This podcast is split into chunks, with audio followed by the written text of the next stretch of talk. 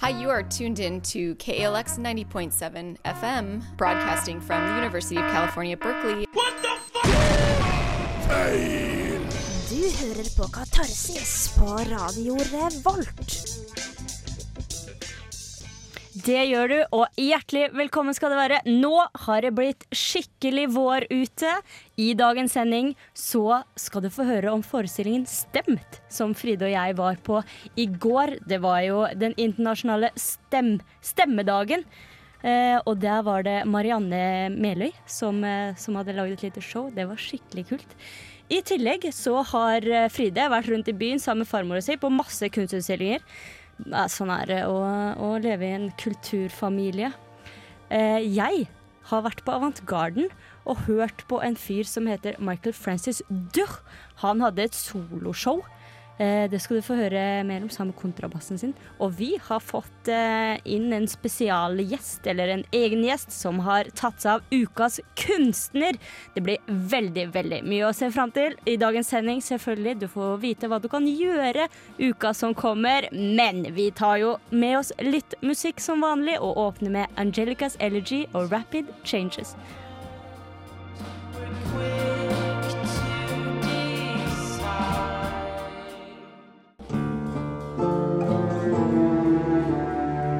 Hei, god dag, folkens. Mitt navn er Ingar Helge Gimle, skuespiller. Dere hører nå på Katarsis på Radio Revolt.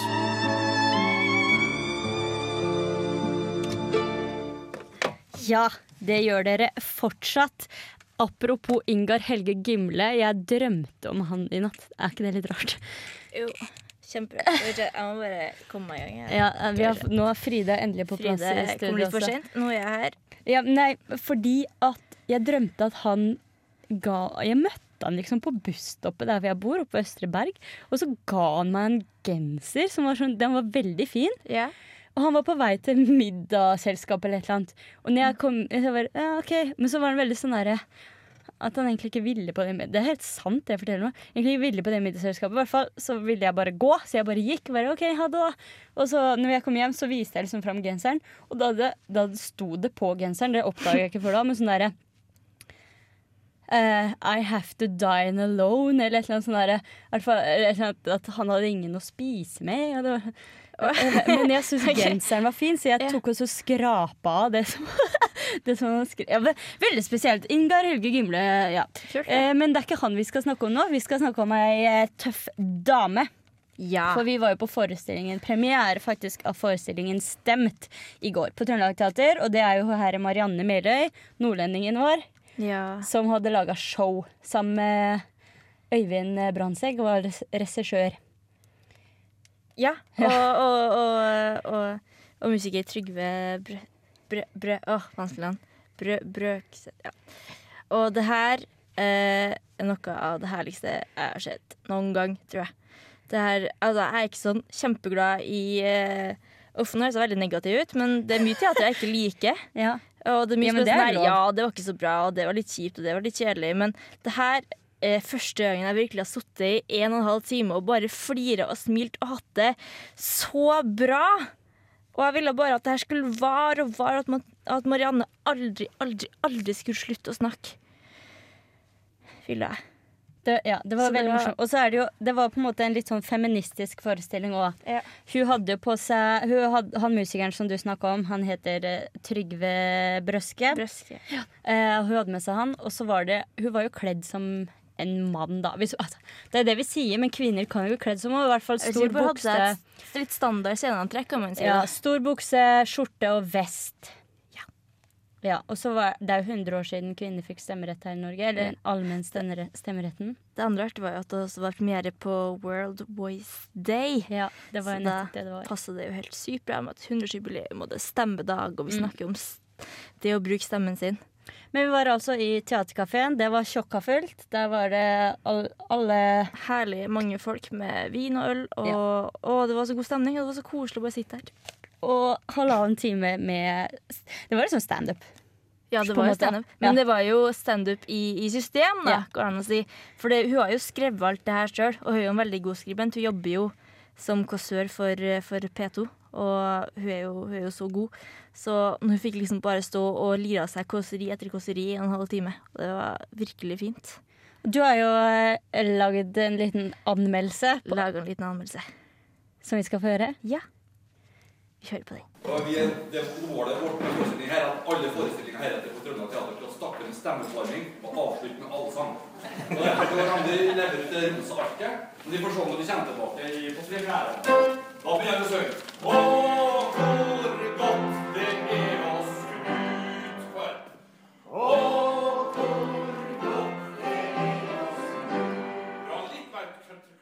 Herlige, herlige Marianne Meløy har sammen med musiker Trygve Brøske og regissør Øyvind Brandtzæg skapt Stemt. En forestilling om stemmen, hvordan vi bruker den, når vi bruker den, når vi ikke klarer å bruke den, og når vi skal og burde bruke den. Vi skal feire stemmen og stemmeretten, og er det ikke en fest når de tause tusen endelig kommer et sannhetens ord? Og vi skal feire organene våre. Mm, stemmeorgan. Å, jeg kjenner jeg blir. Gjennom Marianne Meløy møter vi familien og folk fra hjembygda Alsvåg. Historier om hva folk sier, hvordan de sier det og hvilke konsekvenser det her har, strømmer energisk ut av henne. Iblanda de ti beste replikkene fra kvinner i norsk politisk historie og hverdags- og høytidssituasjoner alle kan kjenne seg igjen i, som handler om stemmebruk. Alt dette er akkompagnert av musiker Trygve Brøskes stemningsfulle toner. Stemme. Kan jeg hjelpe dem nå? Ja, jeg lurte på om du har en skolett i størrelse 38. Svarte jeg og følte meg som ei breibeint midten. Jeg er ikke sikker, men det kan gå og på lageret. Svarte dama. Ja, takk skal du ha, det er bra, svarte jeg spytta skråtomaten på gulvet. Det her er en virkelig morsom forestilling. Marianne er full av sjølironi og driter seg sjøl og alle oss andre ut på en fin og humoristisk måte. Samtidig drar hun med oss inn i forestillinga, og den gode stemninga i publikum er til å ta og føle på. Noe av det mest herlige er at vi kjenner oss så godt igjen. Rosabloggere med duckface, gamle, sure drittkjerringer, dialekter vi ikke forstår, og kirkesang. Hvem er det de vi liker, de vi beundrer, de vi er glad i, de hermer mest etter? Når jeg svarer en sogning, når han spør meg om så åpner jeg og svarer ja, da vil jeg, hva mener jeg takker ja til? Trøndere kan jeg plutselig ja. Aldri før har jeg flirt og smilt så mye gjennom en hel forestilling. Og jeg har aldri vært mer stolt av å si at jeg har min egen stemme. Og den skal jeg rope og synge og hylle for alt den er verdt.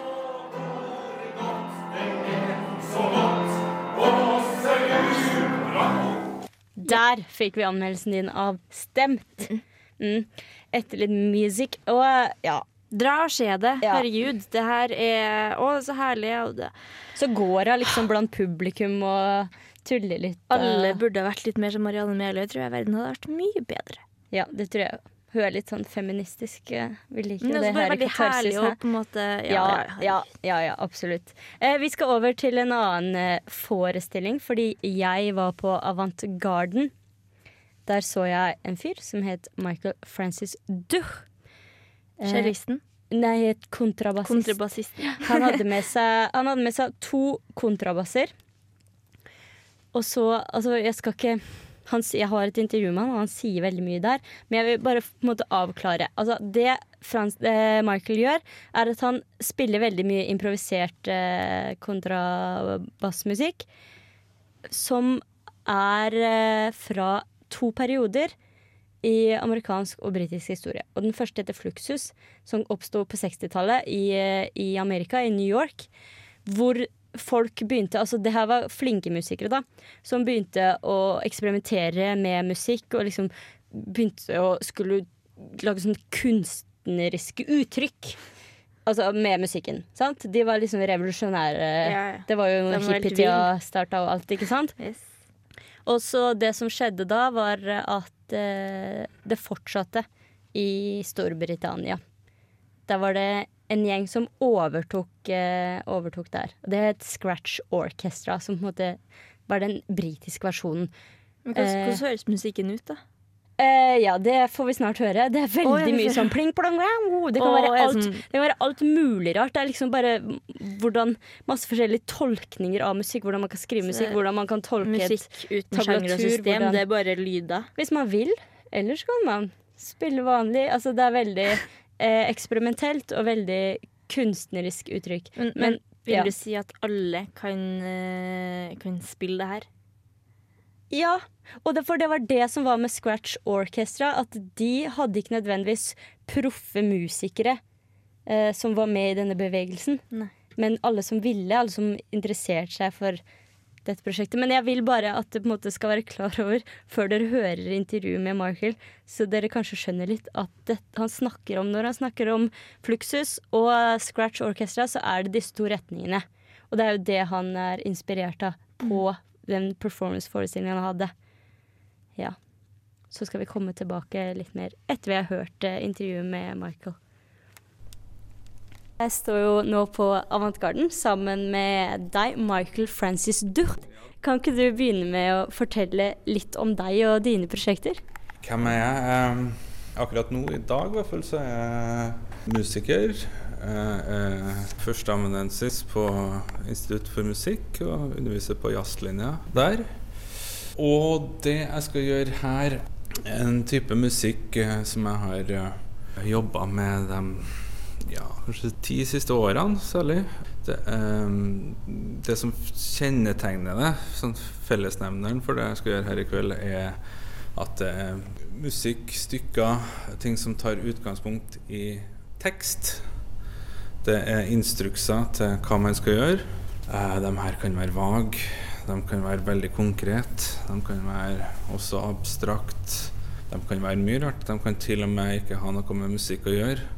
Tilsynelatende, i hvert fall.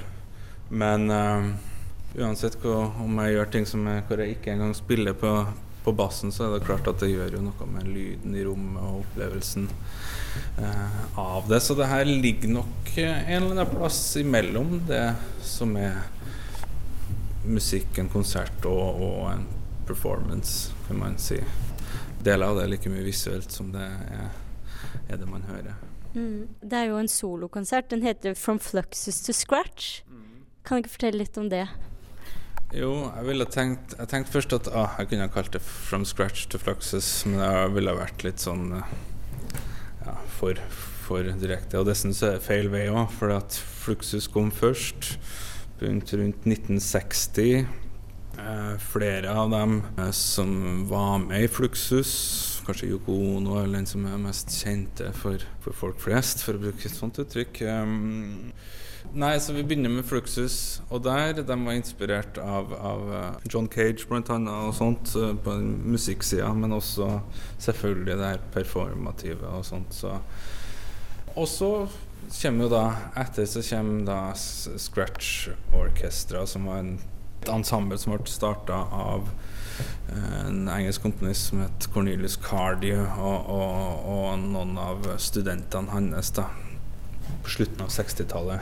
Så de tok med mye av elementene her som, uh, som Fluxus hadde. Forskjellen var jo at Fluxus uh, var jo en slags sånn kunstelite på mange måter, mens Scratch Orchestra besto av alt mulig rart. Alt ifra selvfølgelig høyt utdanna konsertpianister, da, sånn som John Tilbury er en av dem. eh, som var med, men også folk som aldri hadde spilt musikk før. Det kunne være liksom postbud eller hva som helst, som har, men som syntes at det her var interessant å være med i et ensemble og spille musikk. Og, og grunnen til at det het Scratch Orchestra, var jo at han, Cardium ba folk om å ta med seg sånne scratchbooks.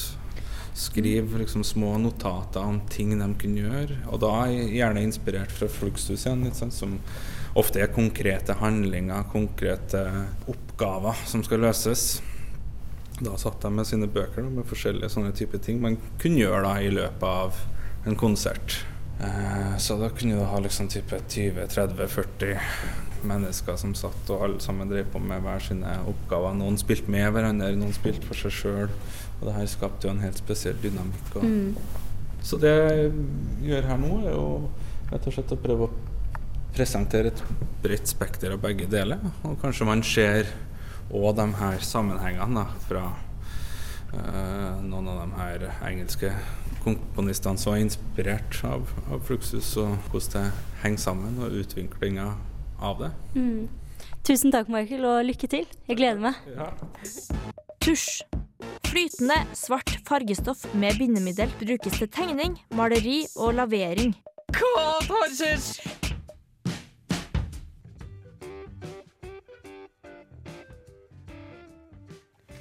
Big Bang med Black Lights, og de kom eh, akkurat med album. 13. april. Yeah. Oslo Bowl, var det det den het? Yeah, De spilte jo på Ja, 4. mars 4. mars kom det albumet Oslo Bowl. Spilte på Samfunnet forrige helg. Eller noe i helga. Nei, det ble utsolgt med en gang. Ja. Det, Sikkert men eh, jeg hørte, hørte at det var veldig bra.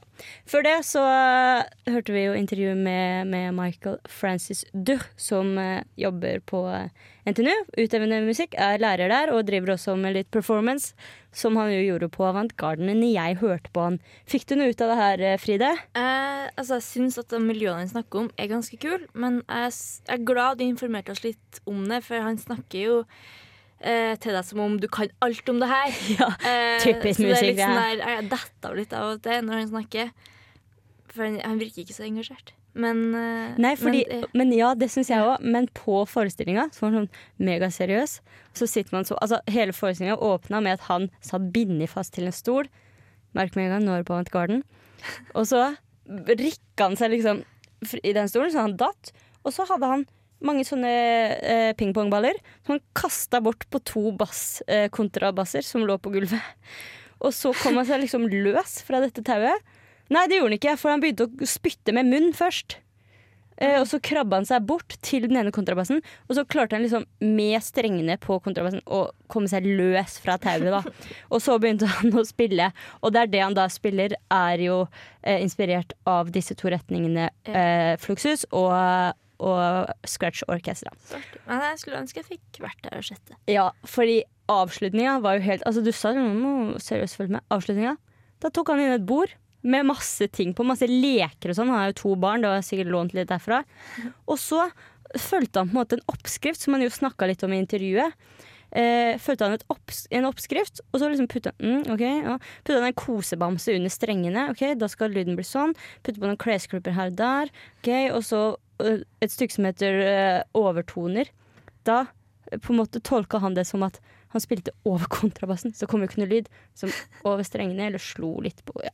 Så dette var veldig, veldig Det var performance, ja. Men det var morsomt. Spennende opplevelse. Bra.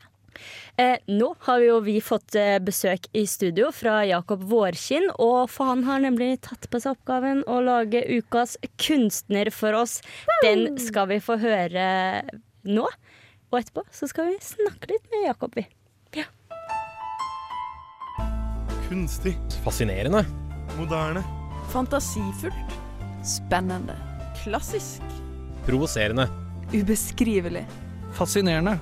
Abstrakt. Grafisk. Modig. Ukas kunstner. Like poets who put their thoughts and reflections onto paper, I want mine to be heard. With my work, I want to communicate certain ideas to people.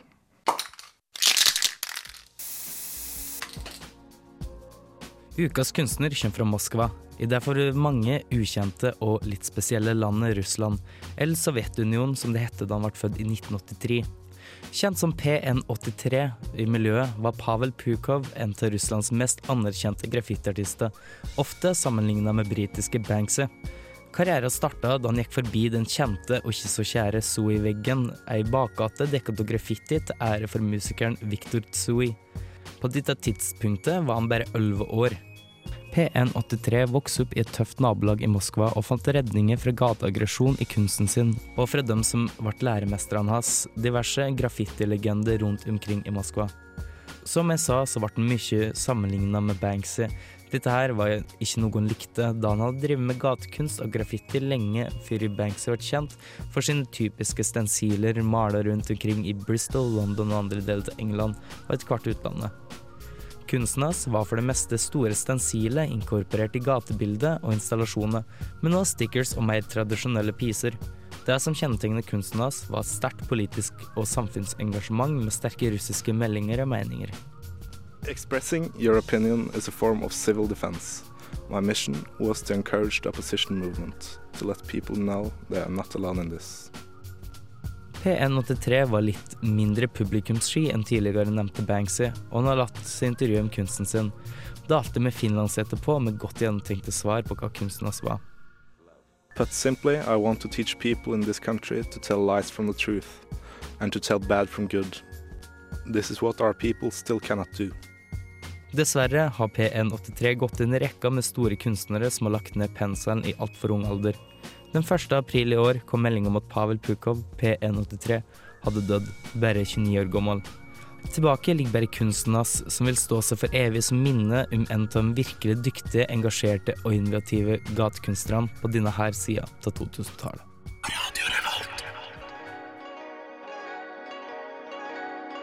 Du hører på Radio Revolt, studentradioen i Trondheim. Det stemmer, nærmere bestemt Katarsis. Og før det så fikk du Dråpen med Memories. Men før den så hørte vi Jakob sin uh, ukas kunstner, og nå har du kommet inn til oss. Velkommen, Jakob. Takk skal du ha. Takk for at jeg fikk komme. Ja, Vi, vi snakka litt i pausen at det er jo ikke så ofte vi har uh, graffiti her i studio, Fride. i Katarsis. og det er en altfor kul uh, si, kunstgren til at vi snakker, eller vi snakker for lite om en så kul kunstgren. Mm. Vi har jo vært innom uh, Banksy og snakka litt om filmen 'Exit Through the Gift Shop', som jo handler om gatekunst. Og som du sa, så eh, Pavlov, nei, Pavel Pukov, aka P183 Mm. han, uh, Du nevnte jo han bruker også stensiler sånn, i likhet med Banksy, men på en litt annen måte, sier du? Ja, eh, altså Banksy han eh, bruker jo stensiler rundt omkring på, på vegger. Og det P103 gjør som er litt annerledes, at han inkorporerer det litt mer i gatebildet, f.eks. Uh, eller ikke bare i gatebildet, men blant annet så har du et bilde, eller en piece, som er Jeg tror det er på et sånt nedlagt eh, atomanlegg, der eh, det er et sånt piggtrådgjerde. Så han eh, lager en stensil til ei lita jente som på en måte går ut fra gjerdet, som går, står og henger opp eh, julekuler. Og den måten han sånn tar det ut fra ting, og han tar det rundt bruer. Han bruker kanskje eh, kar, kar med en fakkel, så har han tent opp flammer, så det ser ut som det er flamme på fakkelen. Slike ting. da. mm. Og så en annen er det um, sånn gate, helt vanlig gatelys, som jeg har tenkt også i brillerunde, så ser det ut som det er delt av lyset. Ja, vi så litt uh, på litt bilder. Vi kan jo legge det ut på Facebook-sida vår òg, så Det dere kan se. Eller så er det jo bare å søke på Pavel Pukov P183. Men veldig stilig. Hvordan er det du kom eh, borti han fyren her, Jakob? Nei, altså, jeg har jo uh, vært interessert i gatekunst veldig lenge, uh, men, men P3 han er jo Uh, han er jo hovedsak russisk og, og har veldig russiske meninger. Liksom. han har ikke vært så kjent uh, utafor før i uh, tror januar 2012 så begynte Russia Today og andre litt større internasjonale medier å legge merke til han. Og da spesielt etter han døde nå 1. april, så fikk, fikk folk litt mer øynene opp for han. da. Og det er jo ganske typisk at uh, Ja. folk blir mer kjent når de dør. Det, ja, det er som du sa, det er trist, det der. Ja. Absolutt. Men så er det det med navn. Altså, de tar jo ofte, ofte sånne artistnavn. P183. Veit du hvorfor han har kalt seg det? Uh, nei, ingen anelse. Uh, kan godt hende det har noe med at han er født i 1983 heter Pavel, tippa jeg. Altså, han har jo, mm. han har jo drevet med graffiti siden han var 11-12-13 år. Og når du er så ung, så tipper jeg at, den, at det var ganske enkelt å ta P183 som passet til navnet, så bare helt, eh, helt tak i det hele tida. Mm. Kanskje. Men det, det vet jeg ikke. For de som, eller jeg tenker for de som har sett filmen 'Exit through the Gift Shop', eller har vært borti Banksy litt, så vet man at han er jo megasky. Veldig eh, kamerasky og vil ikke vise seg for offentligheten. Avsløre sin Ingen som vet identitet. hvem han er. Dødsspennende. Men åssen er det med P183? Uh, nei, uh, han er En kan si at den er mediesky, eh, men det er mest fordi at den har og eh, Han var òg politisk aktiv. Um, Mm. Og han ble, en del intervjua, men det var uh, fortsatt under P93 med finansierte. Du, folk visste ikke navnet hans før han døde, og, og slike ting. Så han har vært litt, som jeg sa, han har vært litt mer i, i, i medielyset, men alltid med skjult, da. Det, det han lett ikke bare kunsten prate, prate for seg.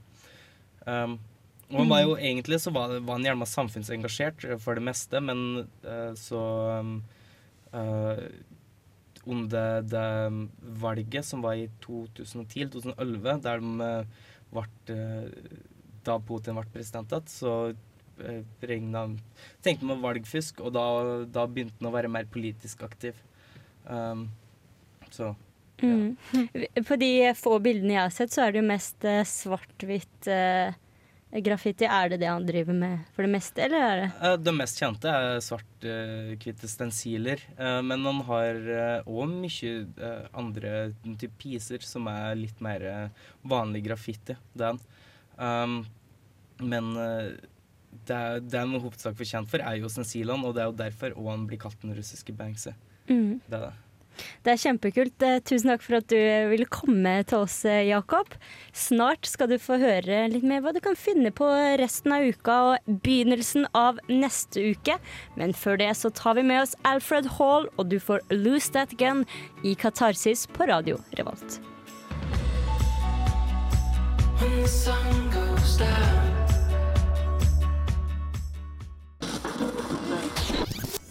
Radio Revolt.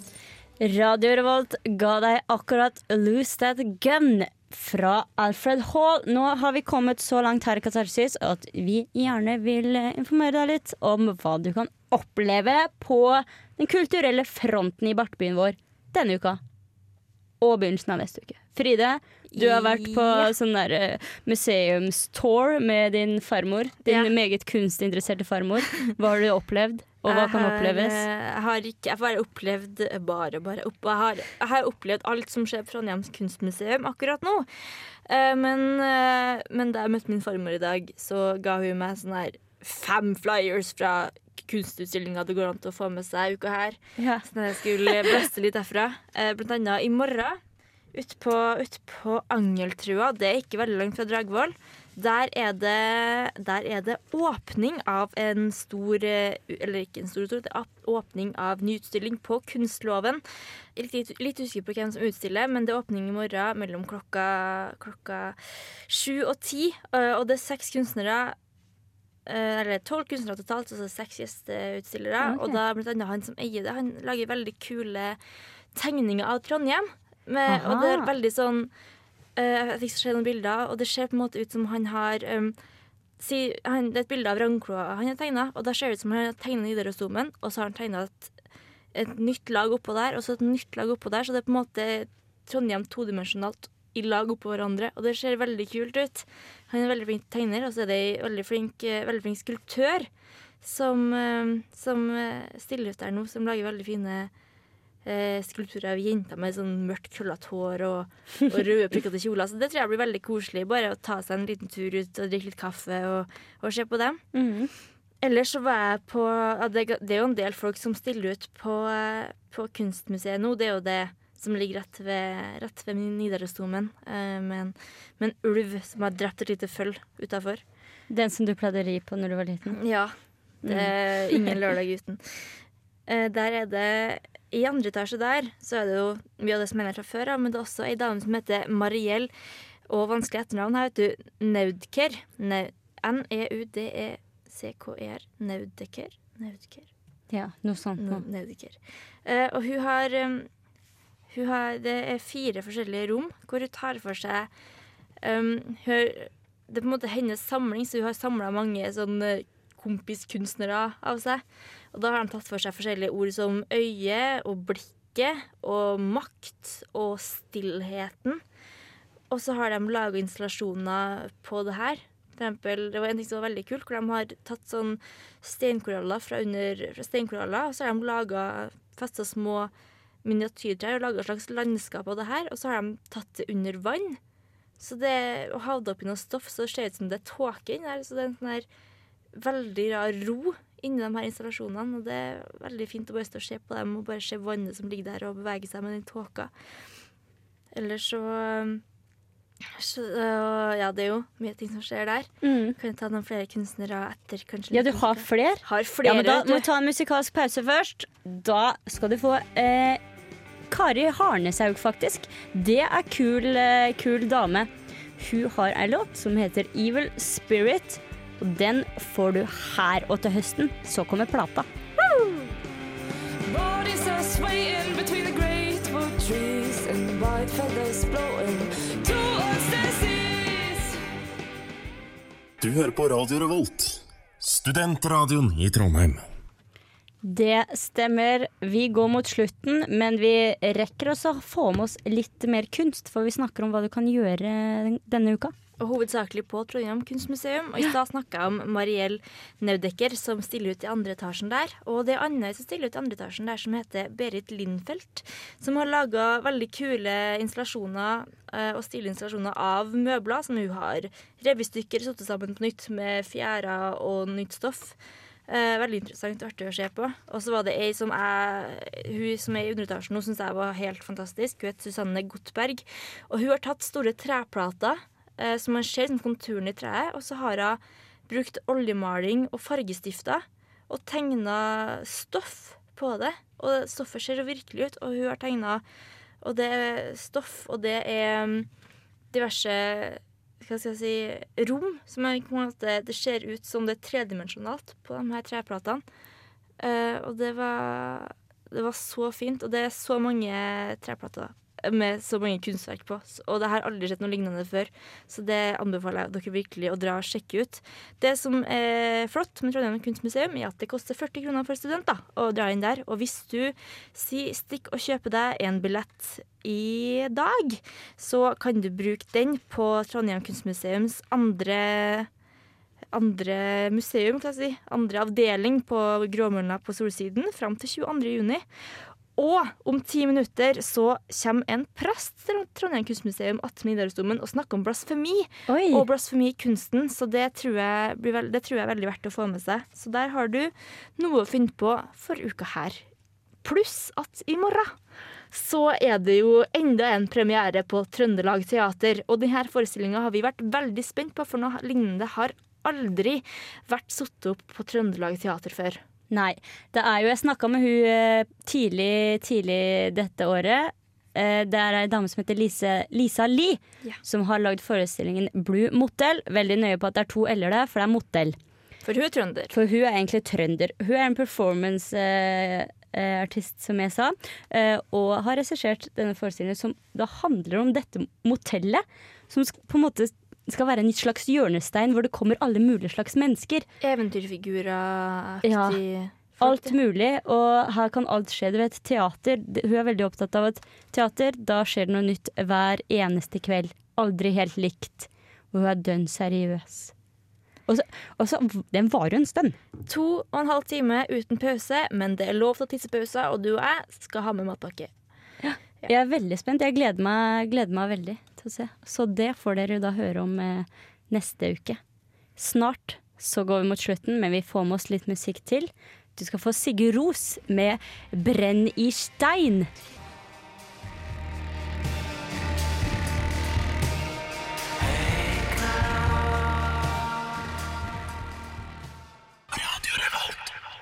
Sigurd Ros der, som kommer med en singel 17.6. Du, du hadde, vi nærmer oss slutten, men du hadde litt sånn kjendissladder. I dag satt jeg på kafé bare, bare på Solsiden, rett ved siden av Mats Bones. Det var kult. Og da jeg jobba på Bunnprisen på lørdag, så kom Kristoffer Hivju med barn og handla masse, masse mat til meg. Bare sånn apropos Game of Thrones, liksom. Kul Mm. Kul fyr. Vi er glad for at du har hørt på oss i dagens sending, og eh, vi snakka jo med, med Jakob. Han eh, lova at han skulle komme tilbake neste onsdag. Da skulle vi snakke litt om norske gatekunstnere. Det blir kult, ass. Det blir kult. Vi må takke teknikeren vår Trygve. Jeg syns det er koselig at du alltid er med meg i studio, Fride. Veldig koselig å være her med deg, Helene. Lik oss på Facebook, og hør gjerne podkasten vår på, under, nei, på dusken.no. Lik oss på Facebook. Ja, like oss på Facebook. Vi avslutter eh, dagen med Lighthead og And The Birds. Ha det bra.